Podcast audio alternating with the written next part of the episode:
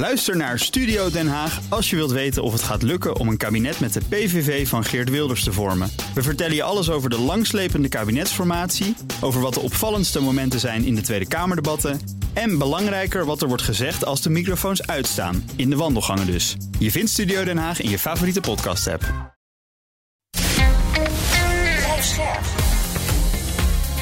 BNR Nieuwsradio.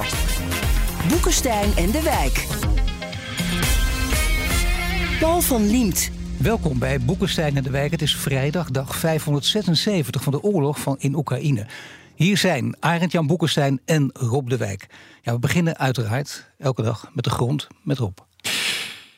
Een paar dagen geleden hebben we het erover gehad uh, dat er uh, allerlei berichten kwamen dat het niet lekker liep. Uh, met Rusland. En die berichten houden aan. Hè. Toen werd er ook gezegd, hè, eindelijk de wijk die zegt al positiefs. Maar um, dat zien we dus nu echt weer gebeuren. Uh, rond Bakmoed wordt natuurlijk enorm geklokt. Uh, eerst even wakende dat het gebied uh, veroverd... en vervolgens hebben de Oekraïners het terugveroverd. Daar zie je nu video's opduiken. Voor wat het waard is, hè, dat moet wel even duidelijk worden gezegd. Van Russische eenheden die zeggen van uh, we gooien nu de wapens neer, want onze uh, granaten exploderen niet. Uh, die zijn verouderd, dat doet het niet meer. Dus dit is gewoon zelfmoord. een mailblogger, een Russische mailblogger, die roept van ja, er zijn ook troepen die hebben gezegd van we gaan niet verder. omdat. Um, ja, wij gewoon niet in staat zijn om dit, deze klussen te klaren. Dus daar is wat aan de hand. Soortgelijke berichten horen we op dit ogenblik eh, eh, in het westen van de Zaporizhia-oblast. Dat is eigenlijk, denk ik, het, terrein waar je echt het meest naar moet kijken om ervan uit te gaan wat er in de toekomst zou kunnen gebeuren. Daar, van daaruit kun je doorstoten naar uh, het zuiden. Uh, daar zien we dat uh, er enorme fortificaties zijn. Hè. Dus we weten dat daar die fortificaties zijn doorbroken. Althans, die eerste linie. Die fortificaties lopen van oost naar west. En wat we nu zien is dat tussen de eerste en de tweede uh, fortificatie de Oekraïners niet van noord naar zuid doorstoten, maar tussen die fortificaties door in de richting van verboven zich aan het verplaatsen zijn. Dat doen ze nu met panzerwagens. En dat is belangrijk. Hè, want we hebben de afgelopen uh, keren hebben geconstateerd dat die Oekraïners daar eigenlijk met, special forces, met lichte eenheden doorheen gaan door die, door die mijnenvelden te, te gaan. Maar nu zie je dat er dus kennelijk ook panzervoertuigen daardoor heen gaan en dat er wordt opgerukt naar verboven. Nou, uh, het is moeilijk om echt een hele harde bevestiging hiervan te krijgen. Maar het is wel betekenisvol als dit inderdaad, als al die berichten waar zijn. Want dan krijgt dat momentum. Ja, want dat betekent uh, dat de Russen toch echt een, een redelijk probleem beginnen te krijgen op een aantal gebieden. Maar nogmaals, uh, mensen, uh, kijken ook op de kaart. Het is minimaal, het is bijna niet te zien op de kaart wat er gebeurt. Maar er, maar er gebeurt wel iets. En de consistentie, en dat is denk ik voor mij het allerbelangrijkste, de consistentie van die berichten op dit ogenblik uit meerdere bronnen, die, die duidt op ja, ellende voor de Russen. Nou ja, dat past wel in het verhaal ook van, van die 30, 40 dagen. Russen nog meer onder druk, maar wel heel goed. Ja. Toch inderdaad daarbij wel, we weten het niet helemaal zeker. We weten het niet helemaal zeker en het is moeilijk te verifiëren op, uh, op basis van, uh, laten we zeggen, satellietbeelden. Althans, ja. die openbaar zijn, laat ik het zo zeggen. Is er nog meer over Zaporizhia? Want nee, ik bedoel, dat is, nee, op dit zo'n waanzinnig belangrijk ja, punt. Nee, dit is op dit ogenblik denk ik het, uh, het, het, het allerbelangrijkste. En uh, ja, nee, daar valt niet zoveel meer over te zeggen. Dan nog meer over de grond? Nee, dat wel. En dan gaan we kijken even naar de raketten. Ja. Uiteraard, nou, met Arjan. Uren ja. na de speech van Zelensky, en dat heeft natuurlijk ook alles mee te maken... is de grootste uh, raketaanvallen sinds een maand. Hè. Dus het was een hele slechte dag in Oekraïne. Zes steden. Uh, Lviv, Kharkiv, Kiev, Kharkazi, Rivne en Gerson. Dus overal, hè? Overal. Uh, nou, dozijnen gewonden. Twee doden, waarschijnlijk veel meer, maar dit is wat ik dan lees. Beschadiging van de energieinfrastructuur. 36 van de 43 raketten zijn onderschept, maar er komen er dus wel zeven door. Hè? En daarom die schade. Dit is echt, echt een slechte dag hè, voor, voor Oekraïne. En ook dat de infrastructuur wordt aangepakt. En dat mensen dus met angst en beven die winter ingaan. Want dat gaat het gedonder gewoon. Ja, maar dat is toch door, interessant, hè? Want, want eh, als je naar Zaporizhia kijkt, dan past dat eerder in een, in een, goed, een goede dag voor Oekraïne. Dit is een slechte dag. Ja, je ziet eigenlijk gewoon aan beide kanten intensificering, intensivering van het gevecht. Hè. Nog meer eh, slachtoffers. Maar let er dus heel goed op eh, wie gaat roepen, wie is aan de winnende hand. Dat zijn praatjes, dat weten we gewoon niet. weten we gewoon niet. Nou, Oekraïne zelf heeft de Krim weer aangevallen met raketten en drones. Maar ook eh, in uh, Belgorod, dat is Rusland, hè, Koersk en Oriol, dat zeggen de Russen zelf. Eh, Rusland claimt zelf dat ze 19 drones hebben neergehaald bij de Zwarte Zee en bij de Krim. En ook drie drones in die Belgorod, Koersk en Oriol-regio's. Of daar doden zijn, dat weten we allemaal niet, we weten er eigenlijk niks van. Maar dat is wat ik dan dus uit Russische bronnen eh, verneem. Dus even samenvatten, het is echt een enorme Russische aanval weer hè, op Oekraïne. Ja, een van de redenen die heb je al genoemd. Eh, dat het valt samen met het bezoek van Zelensky aan, eh, aan de Verenigde Staten. En een andere mogelijke reden hiervan is, is dat er een, eh, een su- succesvolle sabotageactie is uitgevoerd. op een vliegtuig, ehm, een gevechtsvliegtuig, een, een bommenwerper, op een vliegveld nabij Moskou. En Door de er zijn- Oekraïners. door de Oekraïners. En eh, daar zijn eh, de Russen nogal van eh, geschrokken. En je ziet iedere keer er van een patroon als dit soort aanvallen worden uitgevoerd, dat er onmiddellijk wordt vergolden met dit soort golven van, van raket, raketaanvallen en droneaanvallen door, door de Russen. Maar dit is wel opmerkelijk, omdat we nu echt zien hoor, dat zien we al een tijdje, daar hebben we het ook vaak over gehad, dat die strijd ook wordt uitgebreid naar Rusland zelf. Dus het aantal aanvallen neemt eh, toe, het aantal aanvallen op de Krim eh, neemt eh, toe. Maar toch ook is in Moskou. is dat niet, maar toch ook in Moskou. Is dat dan niet opvallend? Ik bedoel, een maand geleden, ik zeg het uit mijn hoofd, zes weken geleden, toen dat, nou dat kan niet meer. De Russen die, die hebben hier een rode lijn, dat kan niet meer. En toch weer dus. Ja, ze doen het weer. Het is gewoon het zarren van de Russen natuurlijk. En het onzeker maken van de bevolking. Je probeert natuurlijk een onveiligheidssituatie te creëren. Ook al vallen daar niet veel slachtoffers bij. Maar het maakt gewoon duidelijk dat Poetin... Althans, dat is het hele idee. Dat Poetin ehm, eh, niet in staat is om de veiligheid voor zijn eigen bevolking eh, te garanderen. En dan hoopt men dus dat die bevolking zich tegen Poetin keert. Ik denk dat dat, dat, dat is een strategie die gaat niet werken. Kijk wat, eh, wat Poetin doet in Oekraïne. Eh, de Oekraïners staan achter Zelensky. Dat is het. Wordt eh, Rusland aangevallen, dan gaan de leiders achter, eh, dan zijn, gaan de mensen achter Poetin staan. Meer dan ze op dit ogenblik eh, doen. Dus dat is een, een fenomeen, dat is van alle tijden. Dus ik denk niet dat het zo, eh, dat, dat zo werkt. Rally around the flag. heet het, eh. Ja, dat is het. Dan zeg je, het is een, het is een slechte dag voor Oekraïne. Die, die, die, die graandeal in Polen, hoe moet je die dan zien? Want dat lijkt, sommigen zeggen het is, het is keihard, pas op. Het lijkt ook opgeblazen. Ik keek toch ook naar die Duda, die president Duda, die zei, eh, die vergeleken Oekraïne met een drenkeling. Ja. veel harder kan er bijna niet. Die dus een ander ook meesleurt gewoon in de val. Nou, uiteindelijk is het denk ik heel veel geschreeuw en weinig wol. Maar wat gebeurde? En iedereen schrok daarvan, inclusief ikzelf. Hè, van de, er werd gewoon gezegd van ja, die graan, dat deal die, eh, willen we niet. En dat was ook de hele geschiedenis van de Europese Commissie vond dat het door moest gaan. Maar Polen heeft gewoon dat niet meer gedaan. Komt overigens omdat de Polen zelf die graan in, in de Poolse graansilo's opslaan. Terwijl ze het moeten doorvoeren met verzegelde treins. Wat Sikorski ook zei. Hè? Dus ze zijn ook een beetje zelfschuldig. Nou, het liep totaal uit de hand. Totaal uit de hand. En dan gaat dus gewoon die eh, prime minister gaat zeggen van... ja, luister eens, eh, wij gaan geen wapens meer leveren aan, eh, aan Oekraïne. Iedereen schrikt zich natuurlijk dood. En zei ook bij, we gaan onze eigen krijgsmacht met de modernste wapens doen. Hij liet het lossen. Nou, in werkelijkheid, dat werd, later werd dat afgezwakt, hè, ook door de president. In werkelijkheid is het als volgt. Hij heeft alleen maar bedoeld te zeggen dat er geen nieuwe wapens meer naartoe gaan. En dan moet je even weten, Polen heeft heel veel wapens in de eerste maanden van de oorlog. Bijna al zijn wapens. Ja. Ja. Wat je ook moet weten is dat de bestaande afspraken van wapen gaan allemaal gewoon door. Wat je ook moet weten is dat de draaischijf van de, van de NAVO-landen in Polen gaat gewoon door. Dus ei- uiteindelijk is dit gewoon een electorale. Eh, Ja, dat was. Wij doen de boeren te pleasen. Heeft Ja. eh, In godsnaam, waarom doe je dit? Want, eh, ik, denk dat ze in het eh, Kremlin stonden Ja. te juichen. Ja, En dat is ook trouwens ook, eh, die, die berichten kwamen ook uit Moskou, eh, dat dit erop duidde dat de boel uit elkaar aan het vallen was. Nou, dat is natuurlijk niet zo. ja. Maar je, ja, je wekt hier wel de indruk mee met dit soort opmerkingen dat dat daadwerkelijk het gevolg is. Het is wel een onvoorstelbare blunder toch op dat niveau. ja, Nou ja, wat, ja, maar het is precies wat Arend Jan zegt. Het heeft er te maken dat men dat doet vanuit een electorale overweging. Maar dat vind ik echt het grote probleem voor nu en de komende maanden. Ik ook. Wat gaat er in Europa gebeuren? Wat gaat er gebeuren met de verkiezingen in Slowakije, waar Fico gewoon een onversneden pro-Poetin-politicus nummer één in de peilingen staat? Eh, dus die, die boel die kan, die boel die kan inderdaad onder druk worden gezet. En de eerste Ja. test is natuurlijk wat er gaat gebeuren in Slowakije. En bedenk goed, even, even die PiS-partij in Polen, dat is niet een erg frisse partij. Die heeft de grootste aanhang zijn de boeren. Dus die moeten ze tevreden stellen. Je moet ook weten, er is een heel klein, nog veel rechtser partijtje dan PiS aan de rechterzijde. En die trekt PiS natuurlijk naar rechts nu tijdens de verkiezingen. Hè?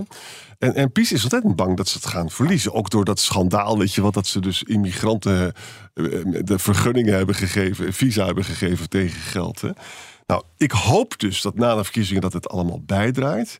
Maar het is zeker zo dat Poetin liep te kwispelen door het Krem. Maar het is Kremlin. electoraal, dat snap ik. Hè, omdat je de boeren wil pleasen. Aan de andere kant blijkt toch ook 61% van de Polen wil, wil per se, dat is een harde peiling, wil gewoon dat Oekraïne gesteund wordt. Dus ook, dan is het Ja. electoraal eigenlijk ook weer stom. Ik las nu net ook dat de Poolse minister van Landbouw praat nu met de Oekraïne, Oekraïnse minister van Landbouw. En die proberen, proberen nou gewoon een deal te maken. Het graan gaat in verzegelde treinen en dan hup naar de Oostzee. Nou, dat is natuurlijk ook de oplossing. Dat je gewoon diplomatiek kunnen oplossen, niks aan de hand ja, geweest. ja, dat is, dus het geeft wel aan hoe ruig dat in de Poolse Ja, maar wat Rob zegt, denk jij ook, dat gaat, kijk eens wat, wat er gaat gebeuren, Slowakije. En, nog ver weg, Frankrijk, wat denk je? Ja, nou ja, kijk, weet je, die wapenleveranties gaan gewoon wel door hoor. Ja, Want realiseer je, je hebt dat Ramstein-overleg. Dat is dus niet NAVO, dat is niet de Europese Unie. Dat is een coalitie van landen. Van EU, NAVO en daarbuiten. Dus dat, dat gaat wel door. Polen blijft een hub, dat zei die Ja, natuurlijk. Maar Polen is denk ik ook het probleem niet. Maar stel je voor dat Fico in, ehm, in Slowakije aan de macht eh, komt. Nou, dan zou misschien dat land op een of andere manier er buiten gaan eh, vallen. Dat zou me niet verbazen. Ja. Maar materieel heeft dat denk ik niet zoveel effecten. Omdat de, veel van de wapenhulp is gewoon bilateraal. Hè. En, of eh, dat zijn ad hoc coalities. Kijk naar de F-16-coalitie, Ja. waar Nederland dat doet, onder andere met, eh, met Denemarken. Dus dat kan allemaal gewoon doorlopen. En dan wordt zo'n land als Slowakije wordt gemarginaliseerd. Po- Polen, nogmaals, ik ben het volledig met eh Arend Jan heen dat, eh, eens. Dat, dat gaat gewoon door blijven lopen. Want eh, je gaat tegen je eigen belangen in eh, stemmen als je dat Ja. eh, gaat doen. Wat wel een probleem is op, en dat is ook, daar word ik ook echt somber van. van kijk, de PiS is ook een partij die altijd tegen Brussel ageert. Hè. Dat doet dus die partij ter, ter, ter rechterzijde nog veel meer, United Poland Party. Hè. Dat wil dus zeggen, weet je wel, wij, wij hebben een, disciplineringshof... dat die de Supreme Court dis- disciplineert. En dat gaan we helemaal niet afschaffen als Timmermans dat wil of zo, weet je wel. En dat anti-Europese retoriek is heel sterk in Polen. We hebben dus, terwijl we meer EU nodig hebben... hebben we gelazer in Hongarije, we hebben gelazer in Polen... we hebben gelazer in Slowakije. Heel ongewenst. Maar het is wel natuurlijk van alle tijden. Hè? Ja. En eh, de Europese Unie die speelt een belangrijke rol. Ja. Eh, eh, door middel van de fondsen die ze hebben. Je kan je bonnetjes erin leveren. Maar als dat fonds bij wijze van spreken van niet is, dan doen, eh, niet is, dan doen de landen het gewoon bilateraal. Dus die, die hulp Ja. blijft gewoon komen. En Polen gaat ongetwijfeld ook wel weer wa- nieuwe wapens leveren. Ja, natuurlijk. Ja. Nou uh, had Zelensky eh, tijdens de algemene vergadering in de Verenigde Naties... die had het natuurlijk ook weer hierover. En die Mm. haalde ook weer fors uit politiek theater. Je zegt, nou, dat hoort allemaal bij dat hele spel. Maar toch, ik bedoel, hij voelde zich wel genoodzaakt om daar ook nog wat te roepen. Ja, hij was zeer emotioneel. Hè? En noemde ook letterlijk die landen die dat allemaal doen met die Ja. En dat was dus echt precies het breken. Het allerergste wat je kan doen nu is het breken van het westerse front. Hè? We, gaan, we hebben een lange oorlog. We moeten elkaar blijven vasthouden. En nu zie je dus dat de trouwste bondgenoot van Oekraïne, Polen... Ja. die doet dit soort domme dingen. En je ziet ook dat Zelensky daar zeer emotioneel op reageert. Ja, dan gaan dus de Russen denken van... nou jongens, het gaat goed. Het gaat goed. Nog straks nog even Trump. Hè? Interessant wat er gebeurde Ja. tijdens eh, de vergadering van de Veiligheidsraad. Hè, Waar eh, Zelensky mocht aanschuiven. Dus eh, Lavrov was daar ook. Maar die, die regelde het zo dat hij Zelensky eh, eh, ontliep Ja. tijdens eh, die bijeenkomst. Ik, ik maakte Zelensky daar nou een hele sterke indruk in de Veiligheidsraad? Ik weet het niet. ik weet het niet. Ehm, kijk, hij kan natuurlijk niet iedere keer weer hetzelfde verhaal afsteken. Dus hij moest nu met iets anders komen. En hij zei van ja, het is nu eh, wel zo dat die eh, veili- veiligheidsraad is ontregeld. Die functioneert niet meer. Heeft hij helemaal gelijk in. Die functioneert ook niet. Want die Veiligheidsraad die heeft mondiaal zeg maar, de, de primaire verantwoordelijkheid voor het handhaven van de vrede en veiligheid in de wereld. En als één land daarbinnen oorlog begint te voeren, dan, dan, dan dondert gewoon het hele bouwwerk in elkaar. En dan zie je dus dat het overgaat naar eh, de algemene vergadering.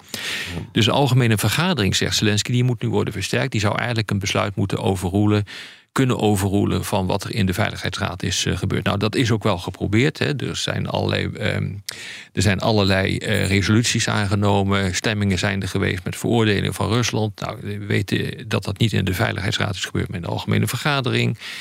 Uh, maar het punt is, als je dat gaat doen. dan staat je uiteindelijk toch weer op het veto van de permanente leden. Dus Rusland en China kunnen alles vetoen. En ja, weet je, meer uh, macht voor de algemene vergadering. Ik wou dat het kon.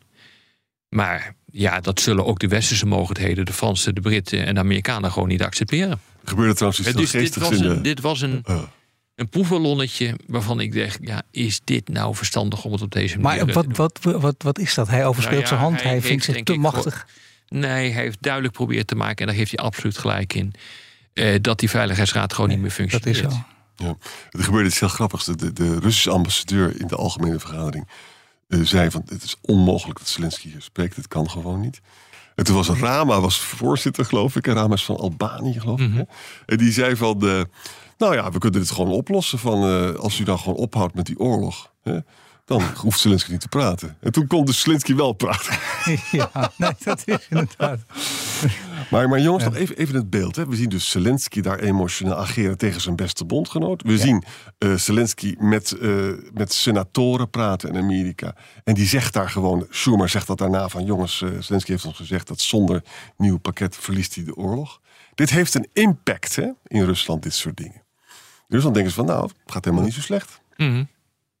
Nee, en bovendien zitten al deze fragmenten ook, dat zie je dan. Ga even langs al die internationale zenders overal de hele dag Ja. door. Dus het heeft waanzinnig veel invloed. Maar dan nog zeg je, het is uiteindelijk waait dit over. Dat hoop ik, ja. Dat hoop ik. Ik ben nergens zeker van. Hè? Nou, ik eh, weet wel dat je één ding eh, wel zeker weet. Dat gaat er over die graanschepen. Want dan zit je op een of andere manier zit je er steeds naar de tuur. Je kijkt hoeveel graanschepen gaan waar naartoe. Daar heb je ook weer wat over te melden. Nou ja, weet je, dus, dus die, dat ene kleinere graanschip is, heeft nu Istanbul bereikt. Dat is goed gegaan. Er is nu een nieuwe, grotere vertrokken. Die probeert ook die Roemeense route te doen, langs de Roemeense kust. Nou, laten we hopen dat het lukt. Maar laten we ook elkaar gewoon... eh, geen mietje noemen, wou ik zeggen. Het zijn maar twee schepen. hè. Ik bedoel, het is allemaal niks. Je moet er natuurlijk veel meer moet eruit. En, en de deal door dat Donaubekken met die verze- dat hebben ze dus flink verknald met elkaar. Hè? Dat had in verzegelde treinen gemoeten. Ja, dat, dat gaat op verzegelde schepen. Maar ja, dat, dat, dat gaat ook allemaal niet snel. Ja. Terwijl die, Ja, gaan moet eruit. Nou ja, het is wel. ik- Die, die, die gaan exporten per schip. We hebben het al eerder over gehad. Toen hebben we ook gezegd van. eh, hm, misschien moet je gewoon wel je middelvinger opsteken naar Rusland. En het gewoon doen. Kijken wat er gebeurt. En dat Ja. gebeurt nu. ja. Eh, dus het is echt een enorme test die op dit ogenblik eh, gedaan wordt. En ik denk dat als Rusland daadwerkelijk een graanschip eh, naar de Ja. kelder gaat, jaagt. Dat dan de internationale protesten echt gigantisch gaan worden. Wat gaan de Amerikanen? Wat gaan Maar jullie hebben het steeds over die rode lijn. Dit is toch Dit wel is een, heel lijn. erg goed voorbeeld. Het heel Ja, gevaarlijk nou ja, Het probleem is, je kunt dus niet zeggen van als dat gaat gebeuren, dan gaan we met allemaal oorlogsschepen gaan we door de Bosporus heen. Maar dat, dat Nee. mag niet. Dat mag niet. nee. Dat mag niet. Dus dat, en dat kunnen de Russen gewoon, oh, sorry, dat kunnen de Turken gewoon eh, verhinderen.